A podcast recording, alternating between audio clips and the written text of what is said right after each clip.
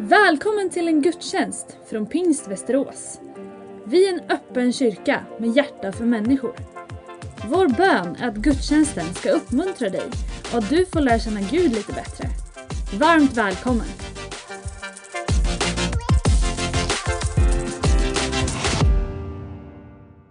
Herre, tack att du är här just nu. Vi får vara tillsammans inför dig. Tack för din eviga nåd. Tack att du är oss nära var och en. Att ingen av oss vandrar ensam. Vi känner det så ibland. Vi upplever det så, men du är där. Tack att du är här just nu för att hela oss, Herre. För att läka våra hjärtan. Röra vid oss, Herre. Tack för din nåd, Herre. Tack för din helige Andes närvaro.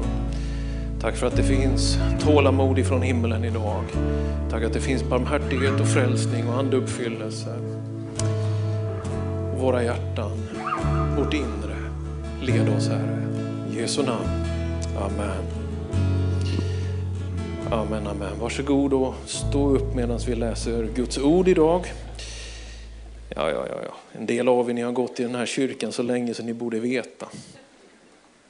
Jag kan liksom inte tycka annat än att vi kan stå upp när vi läser predikotexten. Och vi har ju en serie som är ifrån Matte, ja, inte Matteus evangeliet. Idag är texten från Matteus evangeliet, men serien heter Sund andlighet och ska beröra det här med att liksom komma rätt i trons liv utan att det spårar ur. Alldeles ljuvt att få vara i kyrkan på söndagarna och jag hoppas att du kan ta del av det där du är och i den fas du befinner dig i din process i livet. Lite extra glädje en sån här dag när våra ungdomar kliver fram på det här sättet. Man tycker det är fantastiskt. Och bönen för barnen och allt detta. Det är fint att få vara med. Matteus evangeliet sjätte kapitel, det är en del av bergspredikan och vi läser från vers 5 till 15. Och i den här texten finns också en världens mest berömda bön. Och vi läser i tro på Guds ord i Jesu namn. När ni ber ska ni inte vara som hycklarna, som älskar att stå och be i synagogorna och i gathörnen för att synas inför människor. Jag säger er sanningen, de har fått ut sin lön. Nej, när du ber, gå in i din kammare, stäng din dörr och be till din far som är i det fördolda. Då ska din far som ser i det fördolda belöna dig. Och när ni ber ska ni inte rabbla tomma ord som hedningarna. De tänker att de ska bli bönhörda för sina många ords skull. Var inte som det. För er far vet vad ni behöver innan ni ber honom om det. Så ska ni be. Vår far i himlen. Låt ditt namn bli helgat. Låt ditt rike komma. Låt din vilja ske på jorden som i himlen. Ge oss idag vårt dagliga bröd och förlåt oss våra skulder så som vi förlåter dem som står i skuld till oss. Och för oss inte in i frestelse utan fräls oss från det onda. För om ni förlåter människorna deras överträdelser ska er himmelske far också förlåta er. Men om ni inte förlåter människorna ska inte heller er far förlåta era överträdelser. Amen. Varsågod och sitt ner.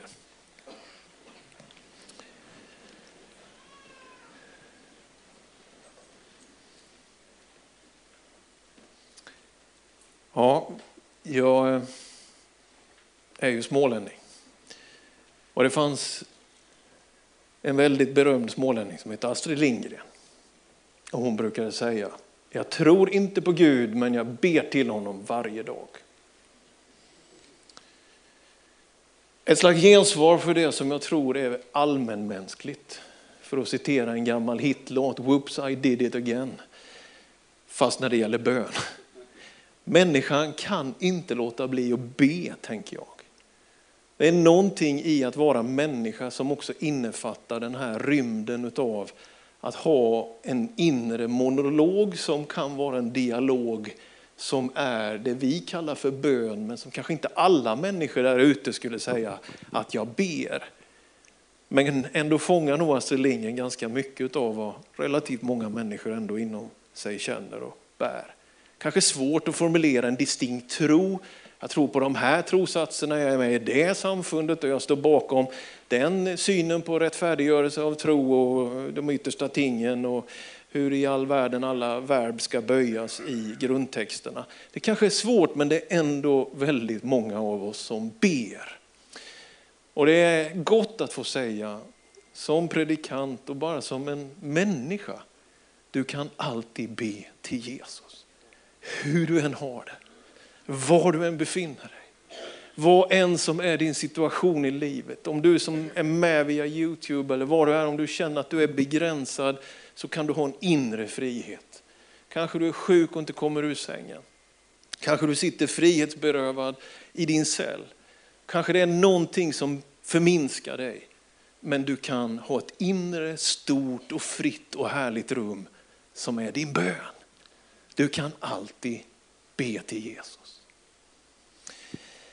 Nåväl, här finns ju någonting av att liksom Jesus verkar vilja parera, kalibrera, hjälpa lärjungarna att be på rätt sätt.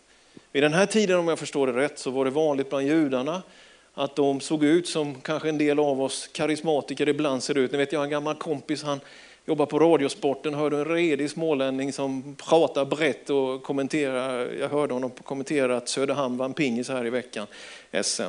När han var ung och vi var unga och taggade evangelister och predikanter brukar han göra så här. Är det någon som känner Niklas Collén här inne, upp med höger hand. Och sen sa han, är det någon som känner Tommy Log här inne, upp med vänster hand. Och nu när vi alla har våra händer uppe, då prisar vi Gud här inne i rummet. Kanske ett bra knep, vi får väl se nästa söndag vad vi gör här. Det var liksom någon slags försök att driva igång någonting. Judarna vid den här tiden skulle stå upp, de skulle be med öppna ögon och de skulle ha sina händer lyfta och de skulle se upp mot himmelen.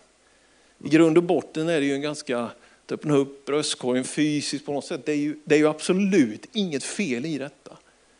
Men det verkar ha utvecklats en vana. I gamla testamentet stod det att du ska fasta en dag om året, men de här skulle fasta varje vecka någon dag och så vidare. Man, man skruvade religiositeten, andligheten, fromhetens utövande och det ledde till någon slags sätt att tänka på det så att det är viktigare egentligen att människor ser än att Gud ser.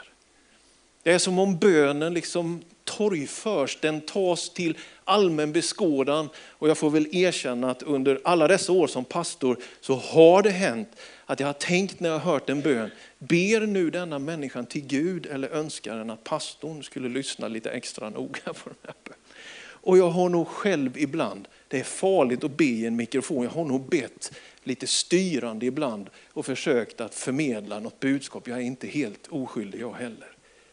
Det är känsligt detta med bön.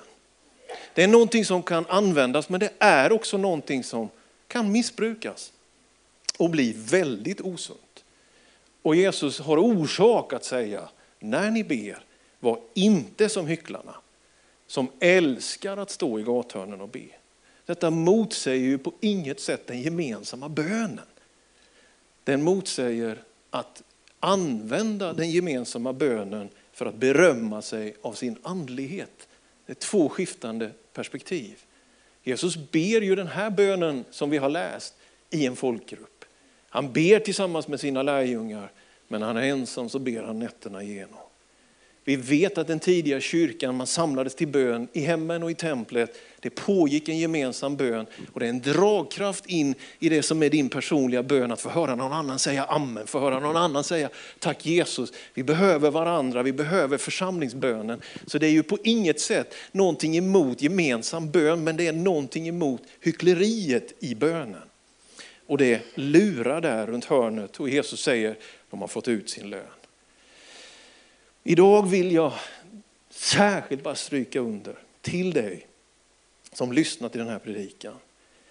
Att när Jesus säger och ger sin rekommendation så låt oss lyssna noga på den. Nej, när du ber, gå in i din kammare, stäng din dörr och be till din far som är i det fördolda. Då ska din far som ser i det fördolda belöna dig. Varje person har ett inre rum alla ni, alla människor är skapade med ett utrymme för Gud. Hjärtat, anden, själen. I den bibliska begreppsvärlden så används flera uttryck.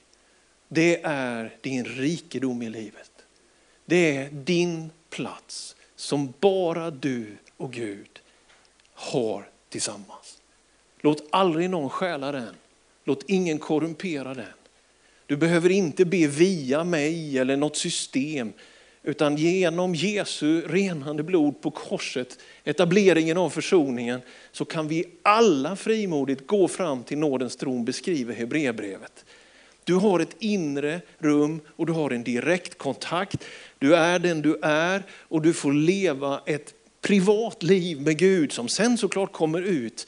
Men det motsäger inte att den inre dialogen är den viktigaste dialogen. Om vi ber när andra hör, men det inte finns en annan bön, så blir det som regalskeppet Vasa, ingen köl, liksom ingen tyngd och det kantrar så väldigt lätt i våra liv. Och då riskerar det här uttryckta kristendomen på något sätt att korrumpera oss. Men vi behöver den och vi behöver draghjälpen återigen. Men var har du ditt inre, din personliga bön som du inte berättar om för någon? Som är bara platsen mellan dig och Gud. Och här säger Jesus att du ska gå in i det fördolda. Och jag uppfattar ordet som att det betyder till den plats där du förvarar det allra mest värdefulla. Så jag tänker i överförd mening, för någon blir det väl garaget. För någon annan blir det väl fiskespöet. Möjligen är det någon som har ett bankfack och går ner och tittar på mormors ring där någon gång i kvartalet. Vad vet jag vad ni har för inre mest värdefulla rum. Du får föra över dig till dig själv. Men du har en sån plats som du värderar högst när du får vara själv. Glöm kyrkan ett tag, glöm din familj en liten stund. Bara du och Gud. Bara det där inre som pågår som är så oerhört viktigt för hur det sen blir i de andra rummen. Den kände lutherske prästen Dietrich Bonhoeffer, fängslad av nazisterna under andra världskriget, han skriver om den ensamma dagen och den gemensamma dagen.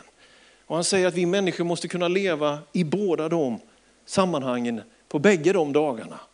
För om vi inte kan hantera att vara med oss själva så kommer vi också skada gemenskapen när vi tar del av den. Men om vi aldrig deltar i gemenskapen så får vi ingen näring till det som är det inre. Jag behöver att någon ber för mig. Jag behöver brödet och vinet i nattvard. Om jag är kristen så behöver jag få fira gudstjänsten och få höra ett gott ord om Herren. Jag behöver det. Jag kan inte vara kristen på egen hand. Plocka vedträet bort ifrån brasan. Det kommer att vara kämpigt. Men å andra sidan, om jag alltid måste ha andras bekräftelse, om jag måste alltid leva ut någonting som är beroende av andras likes och applåder, så kommer det att gröpa i mitt inre. Idag vill jag primärt slå ett slag för din inre egna bön. Det värdefullaste utrymmet som Gud har gett dig, var rädd om det. Låt ingen stjäla det. Bibeln berättar att hans nåd är ny varje morgon. Du kan börja din dag med att öppna bibelappen, få ett korn och be en bön för dagen som kommer. När kvällen kommer, känslorna stormar inom en, men så lägger sig kvällsbrisen och du kan uppleva Hans trofasthet har burit dig den här dagen också. Du är aldrig ensam. Du går inte ensam. Du kan leva med bön när du sitter i ditt hus, när du går på gatorna, när du är ledsen, när du är glad, när du är i ett rum med många, så har du ändå denna inre pågående källa. Var rädd om den. Jesus säger, den som ber i det fördolda, då ska far i himmelen som är i det fördolda belöna dig. Jag har ju precis gett ut en bok om relationer till min pappa. Här säger Jesus, be till din far som är i det fördolda. Rabbla inte en massa ord, det är ju helt meningslöst att rabbla en massa ord till farsan. Liksom. Det gjorde man ju aldrig, det var ju rakt på. Och när man kom hem så får jag väl erkänna att man frågade väl inte, får jag öppna kylskåpet? Man öppnar kylskåpet, det vet alla vi föräldrar. Det gör de, särskilt i tonåren. Så öppnar de hela mejeriet känns det som. Man har en direkt dialog, den kan vara kärv ibland, den kan vara bekymmersam, den är inte alltid enkel för oss i relation till våra föräldrar. Och faktum är att den är faktiskt inte det i relation alltid till vår himmelske far. Bläddra igenom den här boken och du ska se att människor i sina lägsta situationer har ropat till Gud och undrat, var är du någonstans? Salmerna är fulla av texter som också beskriver hela rymden av vad det innebär att vara människa. Från förundran och glädje, passion och förälskelse till utsatthet, ensamhet, syndafall, korruption och förnekelse. Och i hela det registret har människor ropat till far i himmelen. Och Bibeln är ändå ett fantastiskt dokument som berättar, han var där. Han var där hos de ensamma. När Hebreerbrevets författare berättar i kapitel 11 om trons hjältar så står det vackert om en del av dem, om de är med namn, men så står det om en del som är anonymiserade. Att de var på något sätt som förvirrade. Det var som om den här världen inte förmådde eller hade råd att äga dem. De framstod på något sätt, som John Chapman skriver, som tillfälliga idioter och kontemplativa bedjande människor. Men Gud känner varje stackare. Gud känner den som kämpar med sitt psykiska mående. Gud känner den som blir uthängd på nätet. Gud känner den som inte tycker att någon ser den. Du är aldrig ensam. Och han har placerat det på insidan. Men det är också helt okej okay att vi ibland genom livets passager måste få brottas med Gud. Jag sa till en pastor en gång som var kritiserad, jag sa till honom, du måste tänka att det är som dina egna barn hoppar upp i knät och slår dig på bröstet. De, de är besvikna, de är irriterade. Men de kommer till sin pappa, de kommer till dig med det. Och det är så vi gör i, till Gud i vår bön. Du får komma med frustration, du får vara ofiltrerad. Så länge min pappa levde så ringde jag ju honom varje söndag eftermiddag. Och han var ju kassör i min lilla hemförsamling. Och det var hälsningsfrasen vi utarbetade, det har ni hört många gånger som är vana i den här kyrkan. Ja, men då sa jag ju till pappa, inte hej, utan jag sa vad blev kollekten brukar jag säga. Och vår rutin var hela tiden att det, jag fick aldrig en siffra.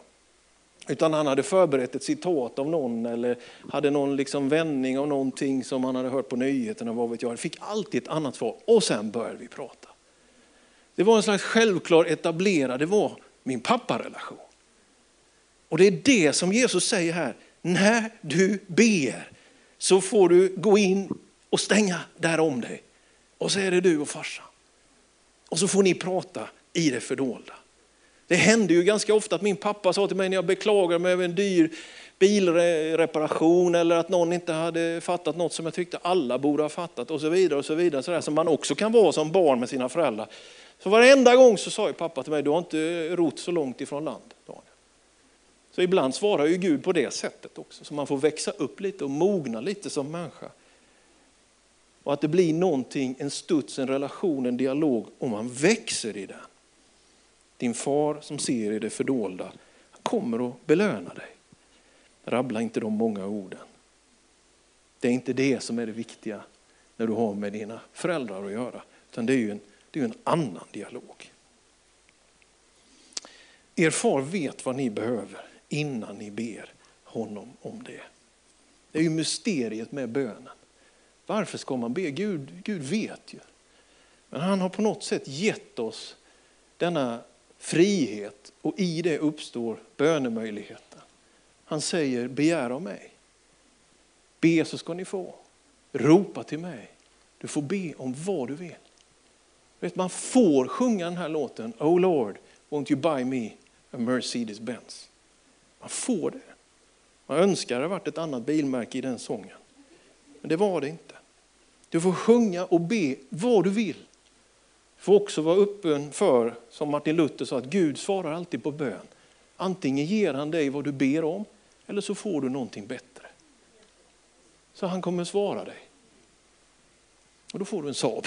Förlåt. Alltså jag, måste, jag ska ge bort det narrativet. Jag bekänner, det var sista gången jag jag, jag lovar, det var sista gången. Inga mer predikningar där detta dyker upp.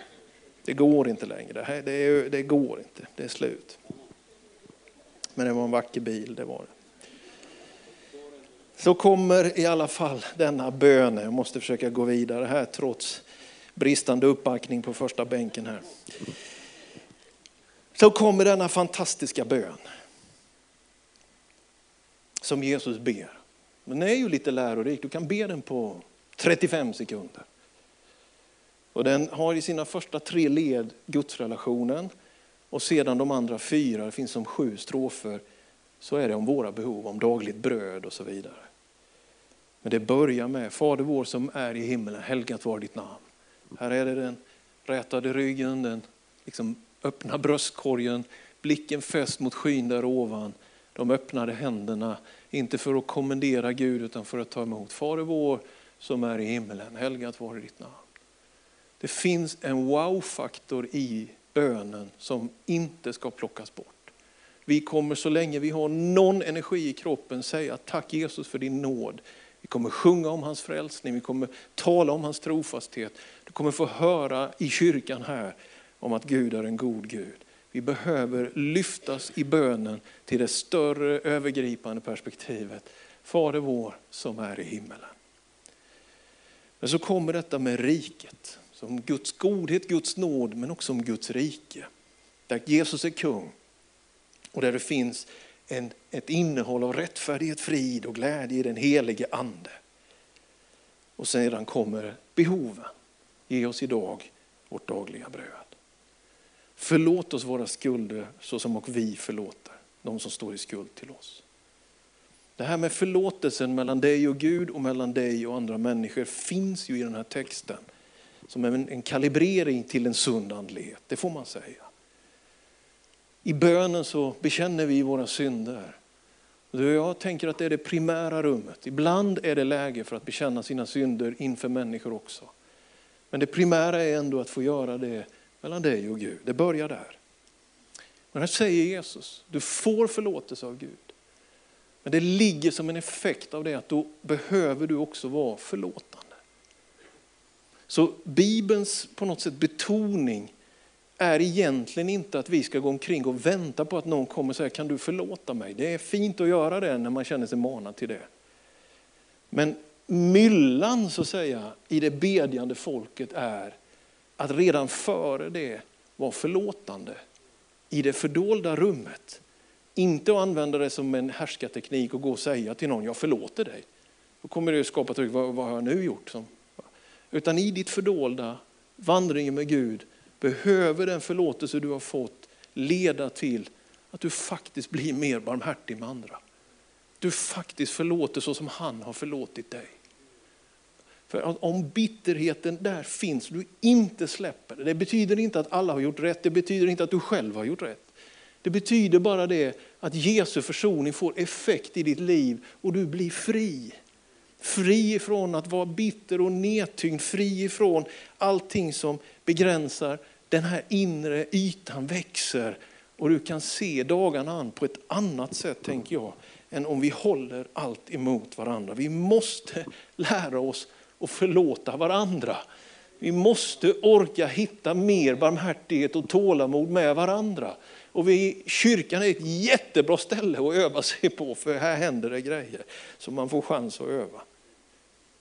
Men vi behöver detta. För allvaret i texten är att om vi vägrar, om vi är oförlåtande, om vi är oförsonliga, så är det som att det stänger himmelen för den förlåtelse vi själva behöver. Så ska inte er far i himmelen förlåta heller era överträdelser. Wow. Sen finns det en strof här som många har stavat på fram och tillbaka. Och inleds inte i frestelse, eller för oss inte i frestelse. Vad betyder det? Alltså, I Jakobs brev första kapitel, 13 vers, så kan vi läsa om att, att Gud frestar ingen. Och det är lite olika översättningar av den här strofen, för man kan ju tänka att ska jag be till Gud, Gud fresta inte mig.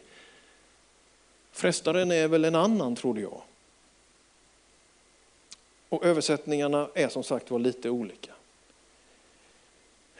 Vad jag tror det här soundet har, det är mer att Jesus uppmanar oss i bönen att be till Gud, Herre beskydda mig från mig själv. Och om jag slipper provet så är jag tacksam för det. Ungefär som Jesus bad i Getsemane. Om det är möjligt så låt den här bägaren gå förbi mig. Men ändå, ske din vilja, inte min. Alltså det handlar egentligen om prövningar.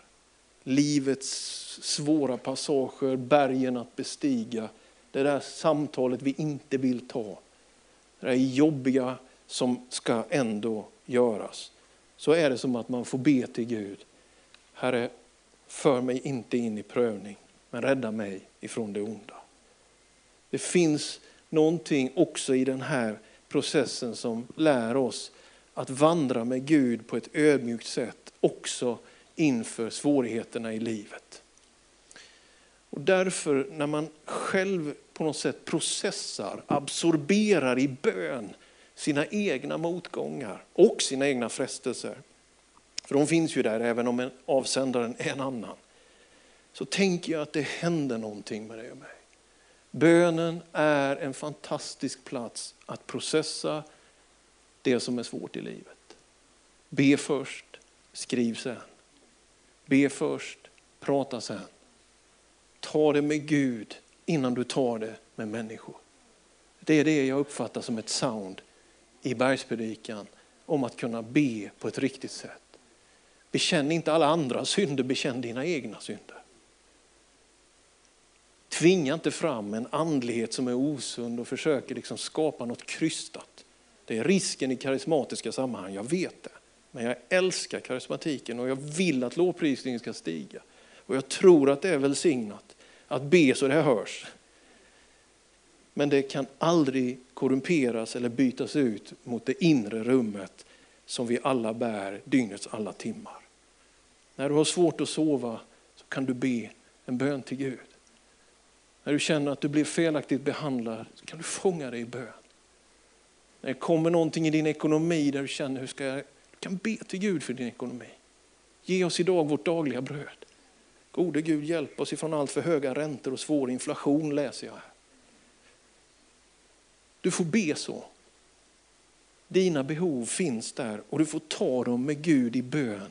Det är ett fint sätt att också processa den egna hälsan, de egna relationerna, den egna ekonomin. Be. Vi kan be oss igenom, vi kan be i alla väder. Vi kan be i medgång och vi ber i motgång. Vi ber ensamma och vi ber tillsammans. Vi ber i namnet Jesus och vi ber med fria ord eller vi ber så som vi har lärt oss att be i Herrens bön. Ibland ber vi i timmar utan att berätta om det, hoppas jag. Och ibland ber vi kort och koncentrerat. Vi sätter inte vår tro till vår formuleringsförmåga utan till honom som lyssnar till den bönen. Gud kommer att svara på din bön, men till dess finns det en väldig vila och helande själavård i att veta att han har hört din bön. All din oro, all din ångest, allt som är krångligt i livet kan gå till Gud med det och han ska hjälpa dig.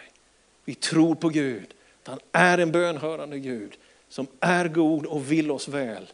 Men han vet vad det är att vara människa och därför fick vi den här fina uppmuntran av Jesus att framför allt be i det fördolda. Värna ditt eget böneliv. Amen. Tack Jesus att vi får processa livet i bön. Stora händelserna och de små vardagliga detaljerna. Allting kan processas i bön. Och jag ber att du skulle väcka en hunger och en längtan efter mer bön den här söndagen.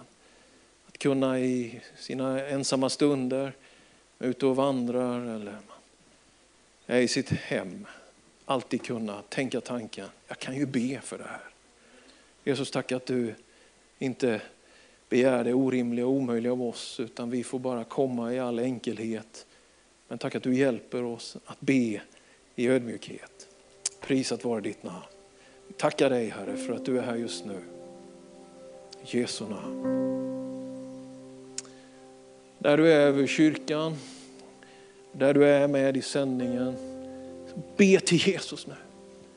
Be för dig själv, be för de som flimrar förbi framför din tanke. Vi kommer be för bönämnen alldeles strax som vi och ni har skickat in. Men redan nu så be till honom. Vill du ha hjälp i bönen så är våra förebedjare, de kan resa sig upp nu och ställa sig så att ni ser vart ni ska gå här framme på höger sida här på nedre plan så är ni så välkomna till förbön. Vi ber tillsammans. Vi hjälper varandra i bön och i det vidgas det inre hjärtat. Tack Jesus, tack Jesus. Välkommen till förbönsplatsen och välkommen att sjunga med i de avslutande lovsångerna där vi är över kyrkan. Gud välsigne dig.